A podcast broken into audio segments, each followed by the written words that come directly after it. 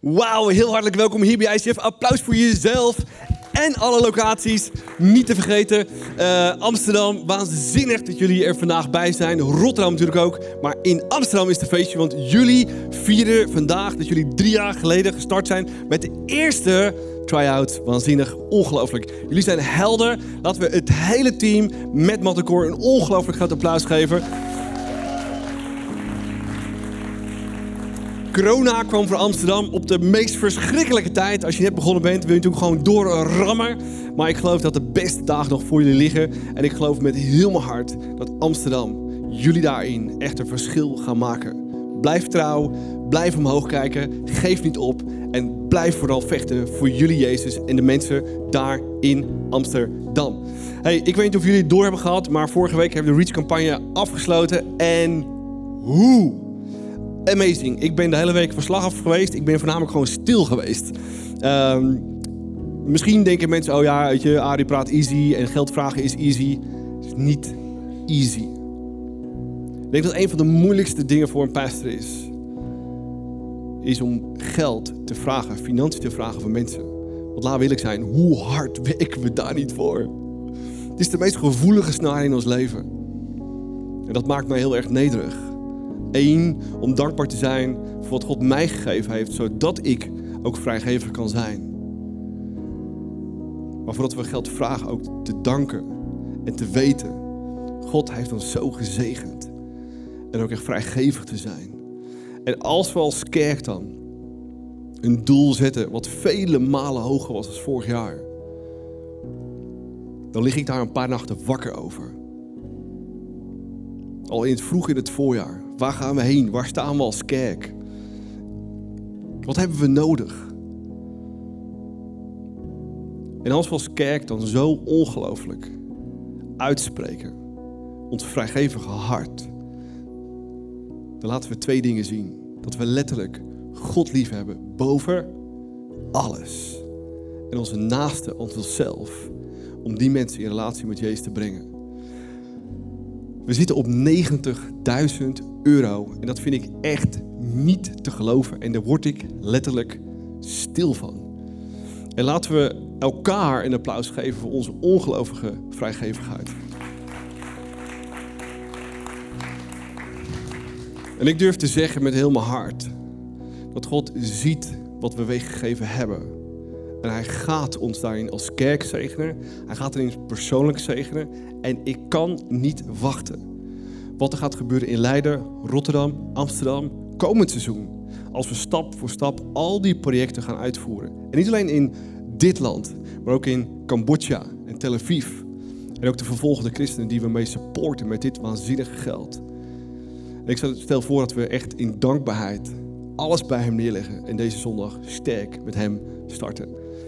Deze dank u wel voor wie u bent. Dank u wel voor uw ongelooflijke vrijgevigheid. Dank u wel voor het offer wat we hebben kunnen brengen. Voor u. Uw kerk en uw koninkrijk. Dus uw mensen. Dank u wel dat we zo één zijn. Dank u wel dat we zo vrijgevig zijn. Wat geen vanzelfsprekendheid is. En wat we elke dag weer moeten cultiveren en motiveren in ons eigen leven. En we weten met heel ons hart dat u ziet wat wij gegeven hebben. En we weten met heel ons hart dat wie geeft, zal gezegend worden. En God, in eerste instantie doen we het niet daarvoor. Maar willen we werkelijk iets losmaken. Hier lokaal of ver weg. Wat uw koninkrijk bouwt. Wat mensen die we misschien nog nooit gezien hebben, die we ook niet kennen, daardoor in relatie met u gaan komen. Uw liefde, uw warmte, uw vriendschap, onvoorwaardelijk gaan ervaren. In de diepst van hun ziel. Zodat ze er kippen van, van krijgen. En u nooit meer, nooit meer, nooit meer en nooit meer loslaten. Dank u wel voor alles wat u gaat doen komend seizoen. Dank u wel voor deze heerlijke dag. Dank u wel voor alle locaties. Spreek tot ons vandaag door deze message over een topic wat we allemaal nodig hebben, met name in dit coronaseizoen. Geduld. Spreek tot ons vandaag. Diep in ons hoofd, ons hart en onze gevoelens. Zoals we dichter bij u komen. En uw roeping voor ons. In Jezus' naam. Amen. Ik weet niet hoe het staat met jouw geduld. Ik weet niet hoe groot je geduld is, hoe, hoe klein je geduld is. Uh, ik heb redelijk wat geduld, maar ik wil eigenlijk als ik mijn bed uitkom gelijk actie. Ik ben zo'n type die liever ook gewoon het ontbijt overslaat. Nog meer mensen die het ontbijt het liefst overslaten. Ja, ontbijt boeit me totaal totaal niet. Echt waar niet. Het liefst wil ik gewoon gas dingen doen, zodat ik eind van de dag denk, woe, ik heb wat gedaan.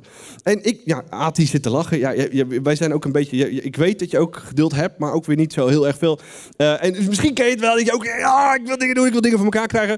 We hebben allemaal wel ergens in ons leven geduld nodig. Vandaag hebben we het over geduld in deze serie van David, over hoe we een vervullend leven kunnen leiden. Nou, ik denk dat we allemaal een vervullend leven willen leiden en moeten leiden.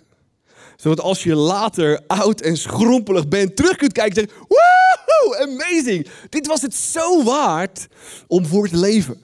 Maar dan moeten we weten, waar leven we voor? Wat is onze roeping? Wat is waar we moeten beginnen?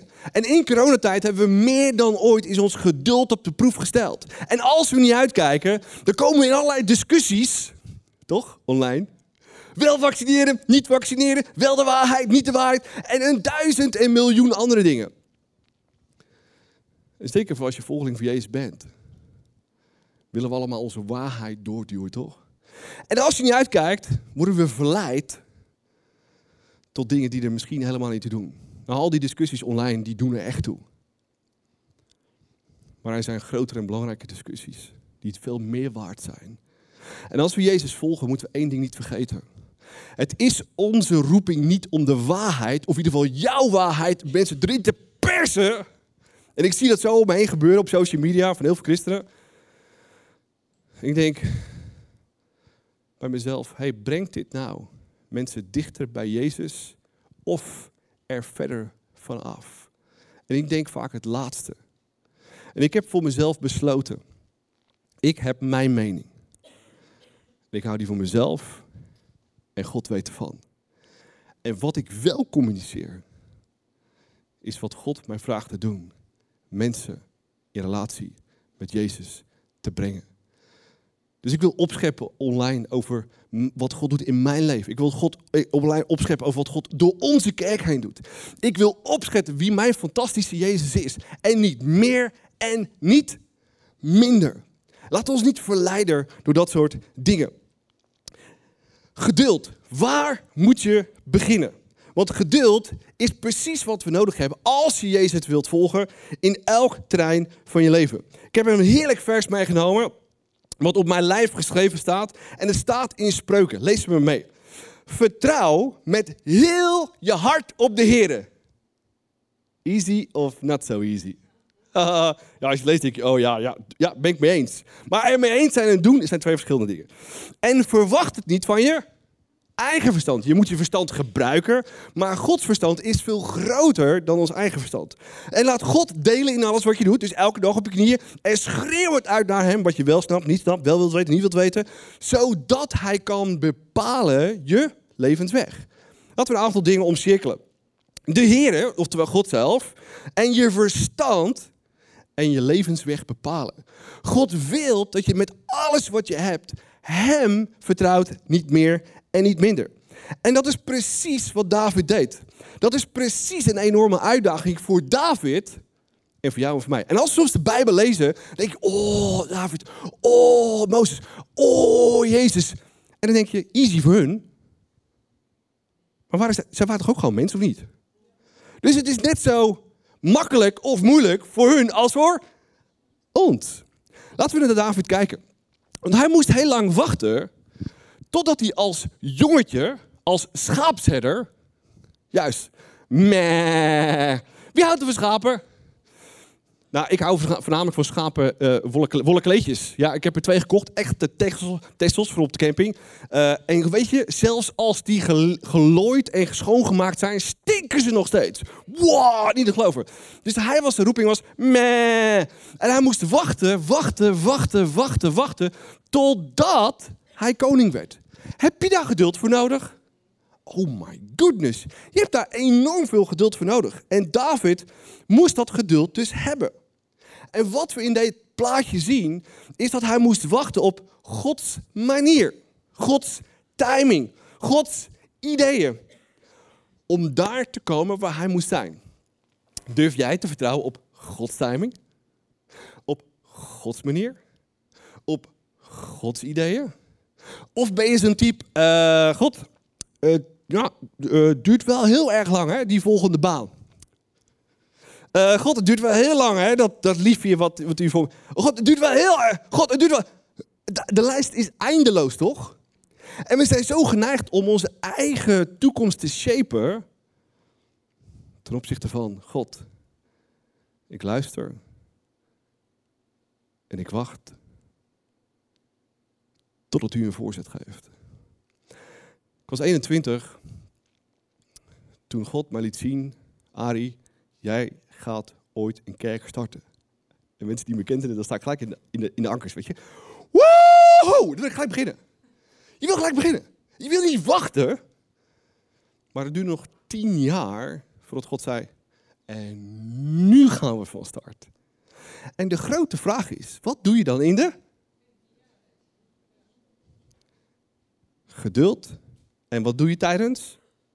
Geduld. Daar gaan we het vandaag over hebben extreem belangrijk. Laten we kijken naar de eerste en belangrijkste gedachte van vandaag. Je bent gezalfd voordat je in je positie komt. Twee verschillende dingen. Je bent gezalfd voordat God jou in je positie brengt. Het gebeurde bij David precies hetzelfde. Laten we kijken in een coole clip. The prophet Samuel was searching for a new king. The old king, King Saul, had angered God, and God wanted to dethrone him. God told Samuel where to find the new king. After some confusion, Samuel finally found the shepherd boy David. He was glowing with health and had a fine appearance and handsome features. Then the Lord said, Rise and anoint him. This is the one. So Samuel took the horn of oil and anointed him in the presence of his brothers. And from that day on, the Spirit of the Lord came powerfully upon David. Samuel then went to Ramah. Uh, hello? Hello, it's me you're looking for. Now, olie all over the place, toch? Je niet, hoe ziet je zelf voor? Jij bent David. En er komt Samuel naar je toe en die gooit zo'n hele kan olie over je en je ruikt helemaal naar de olijfje verse, weet je, het beste van het beste. En je denkt, oh my gosh, dit is de tijd, dit is het moment. De God gaat echt waanzinnige dingen door mij doen. Zou ik denken als je zoiets bijzonders meemaakt, toch? Ik, oh, woe. Maar er gebeurde helemaal niks. En misschien heb je dat ook wel eens meegemaakt. Nou God, het is toch hier nu mijn moment. U heeft het toch laten zien. Ja, laten zien. En starten zijn twee verschillende dingen. En dat was wat David ook moest leren. En misschien heb je die momenten al gehad. Dat er als je ogen dicht doet, als je bidt of als je worshipt. Dat je een film ziet of flarden ziet. Dat je denkt, hey, dat is wat God door me heen wil doen. Wat de Heilige Geest laat zien. Waanzinnig. Maar de vraag is, wanneer? Uh-oh geduld. Tot het zover is. Nou, David was dus een herder. Hij was de jongste zoon en was geen erfgenaam. Alle reden om te twijfelen aan je roeping. Hij werd ook vergeten toen die nieuwe, toen die Samuel op zoek moest gaan naar de nieuwe koning. Ja, die zoon en die zoon, ja, die is mooi, die is knap. En die papa op een gegeven moment, ja, ik heb ook nog ergens een herderloper. Misschien wil je die ook nog even zien. Hij deed slavenarbeid. Zou jij dat cool vinden? Hij deed eenzaam werk. En misschien herken je jezelf hier ook in. Dat je misschien een erfenis van je ouders hebt meegekregen qua positie. Of whatever. Of dat je vergeten bent op je werk. Of in je familie. Of dat je werk doet dat je denkt van, nou, wat voeg ik nou toe? Of dat je je zo eenzaam voelt. God ziet jou. En zodra je je leven aan Jezus gegeven hebt, uit dankbaarheid voor wat Hij voor jou deed aan het kruis, en je hebt Hem uitgenodigd in je leven, in de Heilige Geest, Ben je dan ook gezalfd met Gods geest? Wel degelijk. En want de olie was niet meer en niet minder dan een symbool. Die olie staat voor Gods geest. En jij bent ook gezalfd op het moment dat je je leven aan Jezus gaf. En je de Heilige Geest in je leven uitnodigde. Applaus voor jezelf. Je bent gezalfd. All over the place. Dat is wat we moeten snappen en begrijpen. En misschien gaat alles tegen je in dat je niet geroepen bent. Maar je bent wel geroepen. Je bent gezalfd om je roeping en je positie in te nemen. Maar op Gods timing, op Gods moment. In die tijd van geduld, in dat moment van wachten, zit de boze dan stil? Forget it! Laten we een vers lezen. 2 Corinthiërs zegt het volgende. Paulus zegt het volgende tegen de Corinthiërs. Op die manier krijgt de duivel bij ons geen kans. Want we weten heel goed wat zijn bedoelingen zijn. Wat zijn zijn bedoelingen? En jullie twijfelen nog aan de bedoelingen van de boze. Sommige christenen denken, oh ja, nee, de, de, duivel, ja, de boze. Ja, nee, dat, weet je, ja, ik ben vrij door Jezus. En weet je, ik, hij heeft geen invloed op me. Hij kan je niet meer pakken. Maar wil niet zeggen dat hij geen invloed op je. Sterker, zodra je leven Jezus geeft, weet je, gaat hij nog meer op je huid zitten. Wat is het ultieme doel van de boze? Suggesties in de chat. Suggesties. Wat is het doel van de boze? Suggesties in de chat. Ook suggesties hier in de zaal. Neerhalen. Afleiden. Stelen. Nog meer? Ik zeg het altijd zo. Kill! En attack! Attack en kill! Nou, zo zegt hij het niet vaak in de feest, want dan reed je ervoor weg natuurlijk. Hij is wel slimmer dan dat. Dus hij zal het eerder zeggen: attack en kill. En je denkt, oh, ik ben belangrijk. En je denkt, oh, ik word niet geraakt. Het is nog veel sluwer dan dat.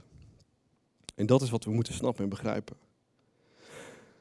Wat we moeten snappen en begrijpen is dat God wilt, hebben we vorige week gezien, dat je vrucht draagt, dat je een sterke boom wordt. Dat echt iedereen ziet wat God door je leven heen doet. Dat iedereen ziet hoe efficiënt je bent. Dat iedereen ziet hoe effectief je bent. Dat is precies wat God wilt. Nou, wat is easier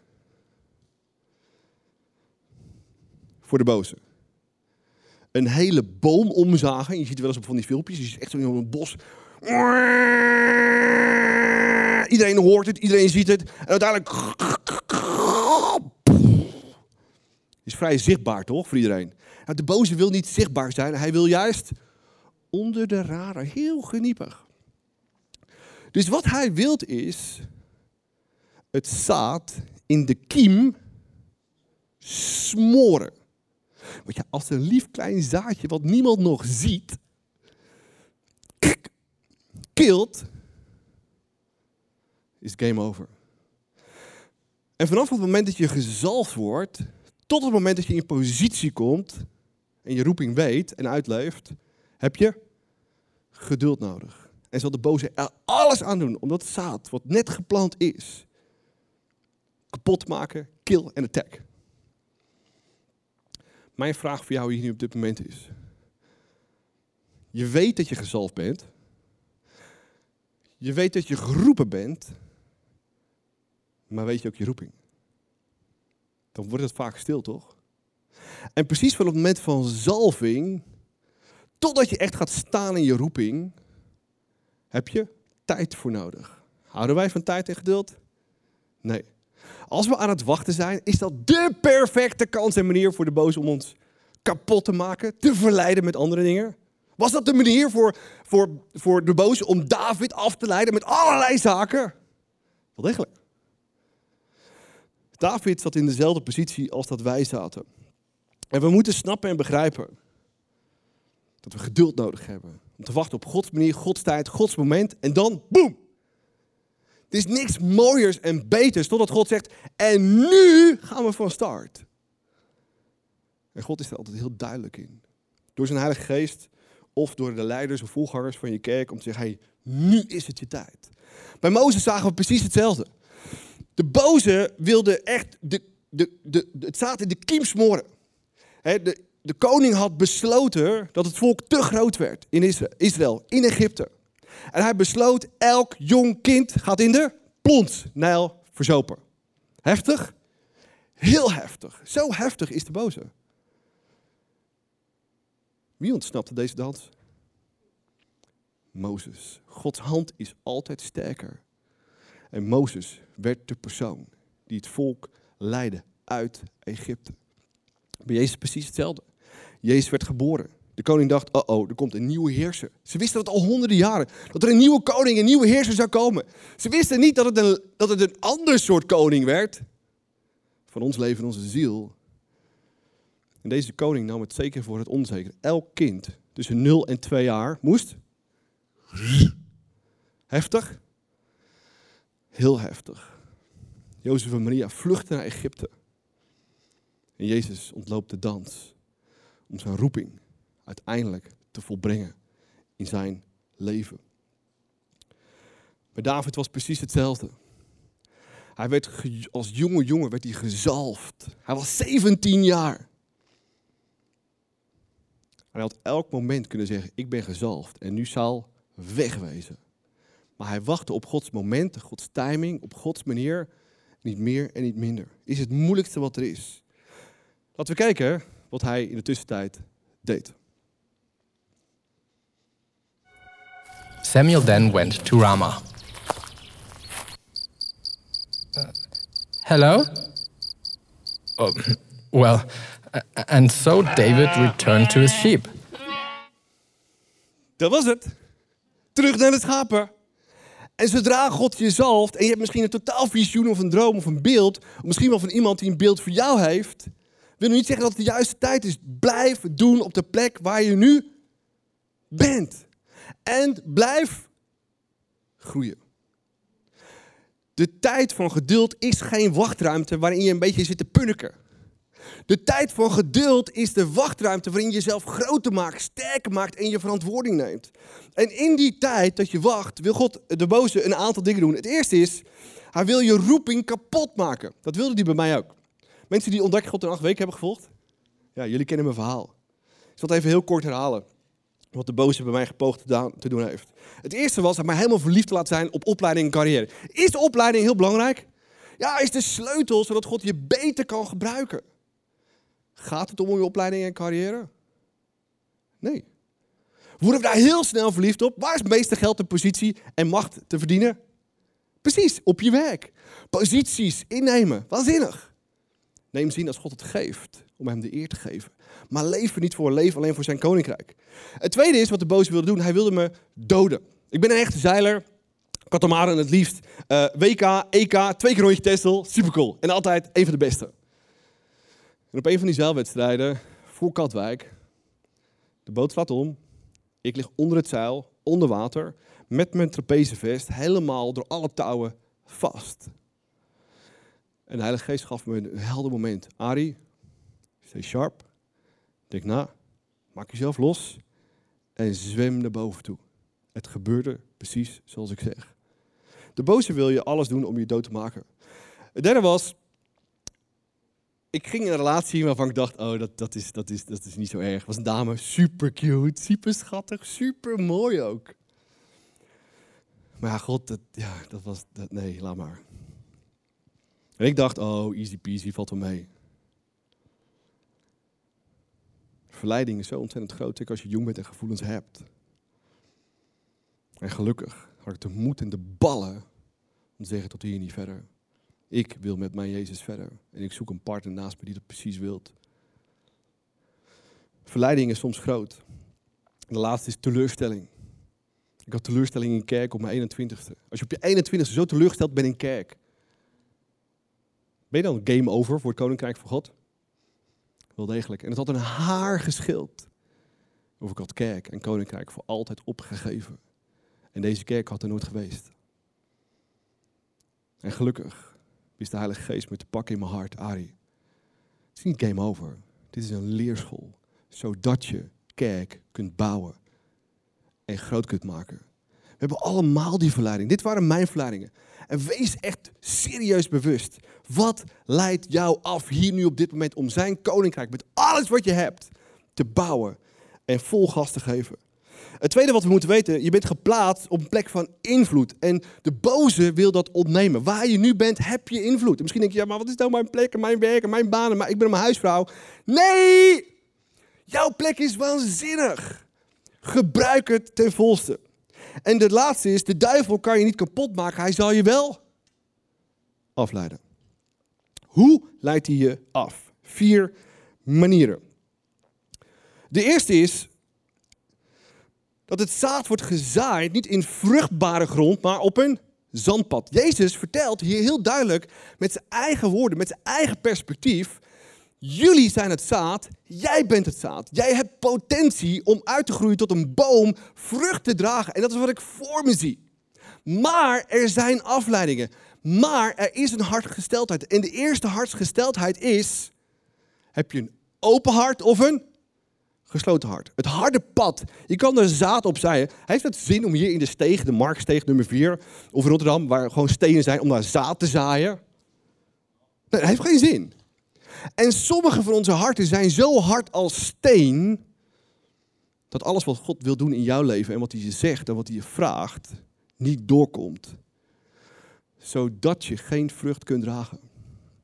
En dat is ongeloof. Misschien lees je je Bijbel en denk ik, oh ja, wauw, dopen. Ja, dat is niet voor mij. Oh ja, wauw, geven. Oh, dat is niet voor mij. Oh ja, wauw, mensen in relatie met Jezus. Oh, dat is niet voor mij. Oh ja, uh, dienen in de kerk. Oh ja, dat is niet voor mij. Oh ja, uh, ja, echte vrienden zijn. Nou, dat is niet voor mij.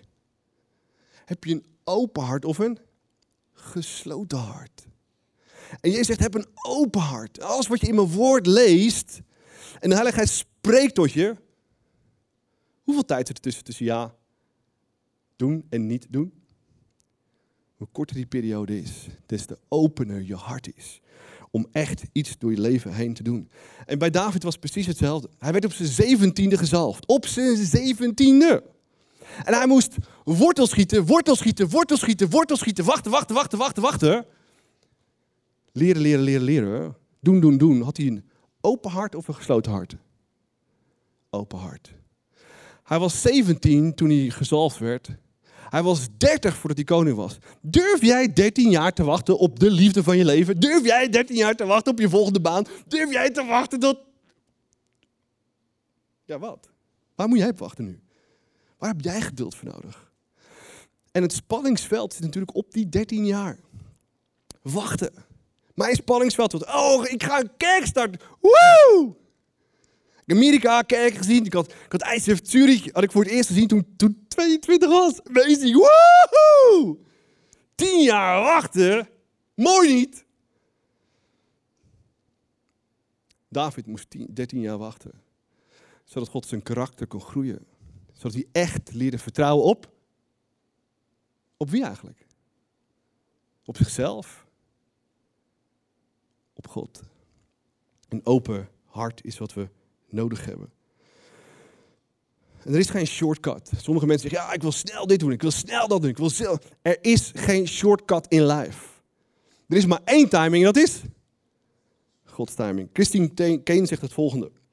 In het Nederlands. Als het echt, sorry, als het licht op wat jou schijnt groter is dan het licht in jou, zal het licht wat op jou schijnt je kapot maken. Als de schijnwerpers van het leven, als de schijnwerpers van positie, als de schijnwerpers van liefdesrelaties, als de schijnwerpers van carrière, als de schijnwerpers groter zijn en belangrijker voor je zijn, weet je één ding, vroeg of laat val je ervoor.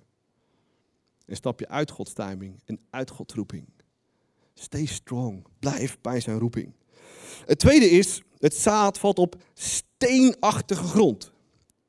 Wat staat voor moeilijkheden en vervolging. Iemand wel eens moeilijkheden in zijn leven? Dat je afvraagt, waarom maak ik dit mee? Waarom maak ik dat mee? Waarom heb ik zus? Waarom? Moeilijkheden kunnen je maken of breken. Ik wil niet dat moeilijkheden me breken. Ik wil dat ze me maken. Maar als we niet uitkijken, er worden moeilijkheden. Waar je simpelweg niks aan kunt doen. Want moeilijkheden komen simpelweg in je leven. De boel te verstikken en je geloof te stelen en kapot te maken. Zodat je dus niet vruchtbaar wordt. Dat je geen grote, sterke boom wordt. En als je niet uitkijkt, oh, ik ben zo zielig. Oh, ik maak zoveel mee. Oh, het is te lastig. Ja, het is easy. Sorry, het is niet zo easy waar jij nu in zit. Maar God is groter dan jouw situatie. Laat het je maken in plaats van breken. Dat is precies wat God wil doen in je leven. Het volgende staat is, het staat tussen de distels. En dat staat voor zorgen van het dagelijks leven en de verleiding van rijkdom. Oh. Wie heeft er zorgen op dit moment? Ik heb zorgen, ben ik heel eerlijk in. Wie wordt er verleid door rijkdom? Door wat de buurman heeft, of je vader, of je moeder, of je broer of zus. Oh, dat wil ik ook zo graag hebben. We worden snel snel verleid. Ik wil me geen zorgen maken. Ik wil me niet laten verleiden door rijkdom. Er zat ook heel weinig geschild, wat ik net al vertelde, mijn opleiding en carrière. Ik heb leiding gegeven aan een bedrijf, ongelooflijk veel geld verdiend. En dat had een haar geschild. Een haar geschild. Of ik was in de mindset gebleven.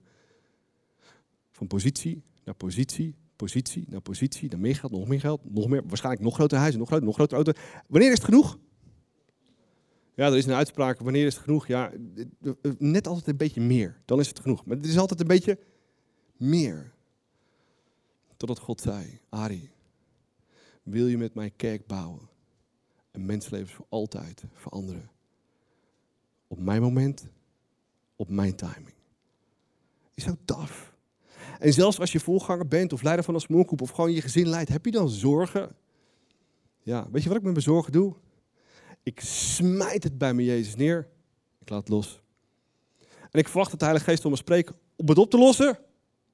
Of om de raadgevers om me heen met goede ideeën te komen. En als het stil blijft, doe ik gewoon wat ik moet doen. En ik maak me geen zorgen. Het is het een of het ander. Want de vraag is, wil je een paddenstoel blijven?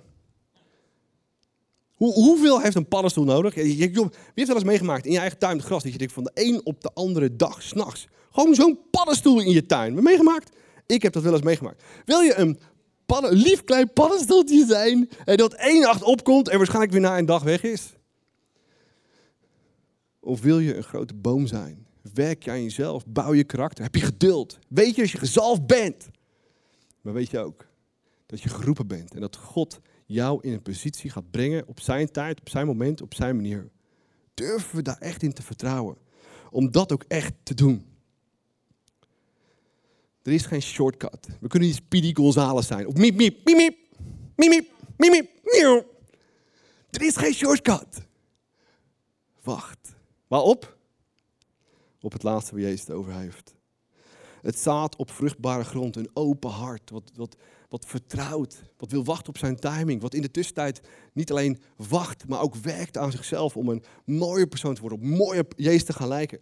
Om echt klaar te zijn voor die roeping en die calling. Want als je dat doet en je hart staat zo open, dan kun je tot 30, 60 of 100voudig zoveel meer vrucht dragen. En dat is precies wat, wat David deed. Hij wacht op Gods timing, op Gods manier, op Gods tijd. En werd hij zwaar gezegend? Er is geen koning van, van, van Israël zo succesvol geweest als David. En God noemde een man als een hart. En zelfs uit het geslacht van David kwam Jezus voort. Ben je dan gezegend? Durf je te wachten op Jezus tijd, op Jezus timing, op Jezus manier, met Jezus ideeën? En durf te geloven dat niet alleen jij enorm veel vrucht gaat dragen, maar wat er uit jouw leven en, en, en, en bediening uitkomt, nog zoveel meer levens gaat veranderen. Dat is het geloof wat ik wil hebben. Ik wil niet alleen mijn eigen leven leiden. Ik wil niet alleen mijn eigen roeping leven. Ik wil niet alleen mijn eigen zin leven. Maar ik wil mijn gezin en mijn kinderen willen zien dat ze dingen gaan doen die ik niet gedaan heb. Ik wil mijn leiders dingen zien doen die groter zijn, moediger zijn dan ik heb zelf gedurfd heb. Omdat ik een voorloper ben. Dat is de manier van God. Dat is echt je roeping zijn. En er zal altijd een strijd zijn en blijven. En David had ook die strijd. Laten we luisteren in Psalm 139 wat zijn strijd was. Here, u ziet alles van mij. U kent mij helemaal zoals ik ben. U weet het als ik zit en als ik weer opsta. Vanuit de hemel weet u wat ik denk. U ziet waar ik heen ga en weet wanneer ik ga liggen. Alles wat ik doe is voor u bekend. Elk woord dat ik uitspreek kent u al, heren. U bent bij mij, naast mij, voor mij, achter mij. Uw hand rust op mij. Het is voor mij onmogelijk dat te begrijpen. Het is zo wonderlijk, zo hoog. Hoe zou ik mij kunnen verbergen voor uw geest? Waar zou ik naartoe moeten om u te ontvluchten? Als ik naar de hemel ging, zag ik u daar. Als ik neerdaalde in het dodenrijk, zou ik u daar ontmoeten. Zelfs als ik vleugels had en ging wonen aan de andere kant van de zee, zou ik u daar ontmoeten. U zou mij vasthouden en uw rechterhand zou mij stevig leiden. Dit is wat David zegt. Een man die moest doorleven en door ervaring te leren en te echt te vertrouwen op zijn Jezus, op zijn God. Wat het is om te wachten op Gods timing, op Gods manier, op Gods moment met Gods ideeën. En hij is daar niet anders zoals jij en ik. Hier in de zaal, Rotterdam, Amsterdam, bij je thuis. En durven we echt met alles wat we hebben te vertrouwen op onze God, op onze Jezus. Wetend dat je gezalfd bent, dat je Gods Heilige Geest hebt. All over the place. Laten we nog een keer een applaus geven voor jezelf dat je gezalfd bent. Maar durven we ook te wachten en te werken aan onszelf, zodat we meer op Jezus gaan lijken. Zodat we op zijn manier, zijn moment, zijn timing, die positie in kunnen nemen. Die Hij voor je heeft klaar liggen. En in de tussentijd het geduld te hebben, omhoog te kijken. God, ik wacht, ik werk aan mezelf. Ik weet dat ik geroepen ben. En ik wacht op U, totdat U mij in uw positie zet. Dat is de beste manier, dat is de beste timing om te starten. En ik weet uit eigen ervaring, het is niet easy. Ik had op mijn 21ste al zoveel gezien van kerk. Mijn hart ging sneller kloppen. Het explodeerde. En God, eigenlijk wil ik nu beginnen. En misschien heeft God het je ook laten zien. Wat hij wil doen. Door jou heen, door je gaven, door je talenten. Om zijn koninkrijk te bouwen. Laat je niet verleiden als je in de wachtkamer zit. Maar zie die wachtkamer als een sportschool. Om beter te worden, sterker te worden. Klaar voor de strijd om je positie in te nemen. Wachtend op jouw Jezus. Vertrouwen is alles. De grootste verleiding het doen op je eigen manier, op je eigen timing. God heeft je geroepen, gemaakt op een waanzinnige manier. En als je dus nog twijfelt aan wie je bent, of je geliefd bent of niet, de reden dat je bestaat is dat God van je houdt en je gemaakt is met een doel en een reden. De reden waarom het kruis en Jezus voor je stierf op zo'n heftige manier is tegen jou vandaag te zeggen: Ik hou van jou. En ik hoop dat je daar kippenvel van krijgt. Ik wel. Laat me zien dat Jezus iets los wil maken in mij. En tegen ons zegt, ik heb een doel voor je. Ik heb een roeping voor je. En ik wil je stap voor stap, voor stap, voor stap, voor stap klaarmaken. Diezelfde 21ste jaar was mijn grootste verlangen. Een grote BMW ik heel eerlijk in. En nog steeds, gisteren stond ik bij het stoplicht. Heel diep. Oh my gosh. Waanzinnige vrouw, heb ik. Bedankt. En een groot huis. Die laatste wordt aangeweegd. Gods manier. Gods timing. En ten opzichte van die grote BMW heeft er heel wat af moeten sterven in mijn hart. In mijn hart. En wat heeft moeten groeien is te zien wie ik ben, wat mijn talenten zijn. Dat ik moest groeien in dienstbaarheid. Moest groeien in mijn perspectief. Wat is nou eigenlijk koninkrijk? Dat het niet om mij gaat, maar om zijn koninkrijk en wat God door mij heen wil doen voor zijn koninkrijk. Maar in alles moest ik leren hem te vertrouwen. Toen ik deze kerk startte tien jaar geleden met waanzinnige mensen, dacht ik, ik vertrouw God. Want ik gehoorzaam door alleen al een kerk te starten. Duh. Om vijf jaar later tot de constatering te komen dat mijn vertrouwen en geloof helemaal niks was. Met wat het nu is. En mijn God echt op pagina's van geloof bracht. Dat ik hem moest vertrouwen. Wacht niet op de tijd dat je hem moet vertrouwen. Vertrouwen hier en nu. Stap uit die boot. Zet je gaven talent in. Voor de kudde die God jou gegeven heeft. Misschien jezelf, als vrijgezel, misschien je gezin, misschien je smokkel, misschien je werk. Wat voor team of kudde je God jou gegeven heeft. Gebruik het. Groei. Wees dienstbaar. Zodat u op zijn tijd, op zijn moment kunt zeggen. En nu gaan we van start. Heb geduld. Vertrouwen. Met alles wat je hebt. Zo samen bidden. Wees dank wel voor wie u bent. Dank u wel dat u zoveel ons, ons heeft losgemaakt. Als ik naar het kruis kijk in uw ogen, zie ik uw blik naar mij toe. En in die blik, blik voel ik warmte, voel ik echte liefde. Voor mij.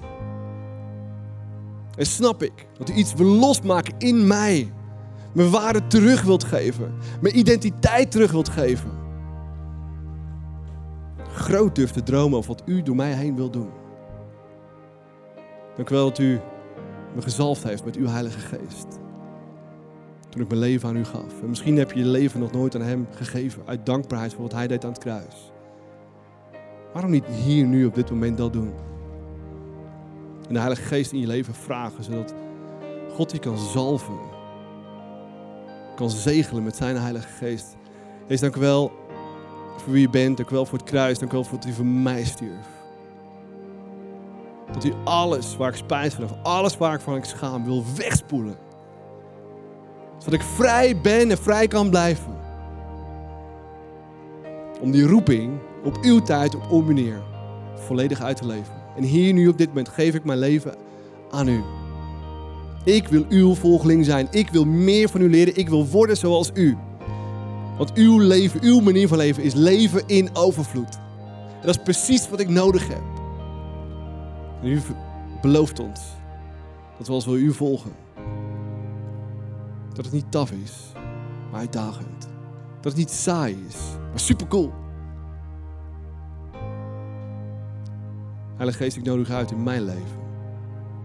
Zegel mijn ziel, salf mijn ziel, zodat de wereld, inclusief de boze, weet dat ik van u ben. Zegel mij, zalf mij, hier, nu, op dit moment, Heilige Geest, met alles wat ik heb. En ik wil wachten, God, op uw moment en op uw timing. Dat u mij roept en inzet. En in de tussentijd ben ik net zoals David trouw om te dienen, om te leren, om te groeien. Zodat ik mijn positie in kan nemen als u zegt. En nu gaan we van start. Dank u wel voor wie u bent. Dank u wel dat, dat u ons vraagt om uw koninkrijk te bouwen. In de kerk of ver buiten de kerk. Het gaat altijd om uw mensen en om uw koninkrijk. Wil u vertrouwen in alles en u gehoorzamen. Want het geeft een leven in overvloed. Dank u wel dat u mij gezalfd heeft en dat u positie van mij heeft. Ik wacht. Ik ben geduldig. In Jezus' naam. Amen. Hey, laten we met z'n allen gaan staan. En misschien heb je je leven voor het eerst en Jezus gegeven. Laat u die mensen een applaus geven die dat gedaan hebben. Amazing. Je hoort bij het volk van God. Zijn familie. Uh, gered voor eeuwig. Groei. En misschien heb je lang geleden je leven aan Jezus gegeven. Maar laten we met z'n allen tijdens de worship voor ons zien dat het olie over ons hoofd loopt. Dat we weten dat we gezalfd zijn. Dat we aan onszelf kunnen werken. Wachtend tot Jezus zegt, go for it.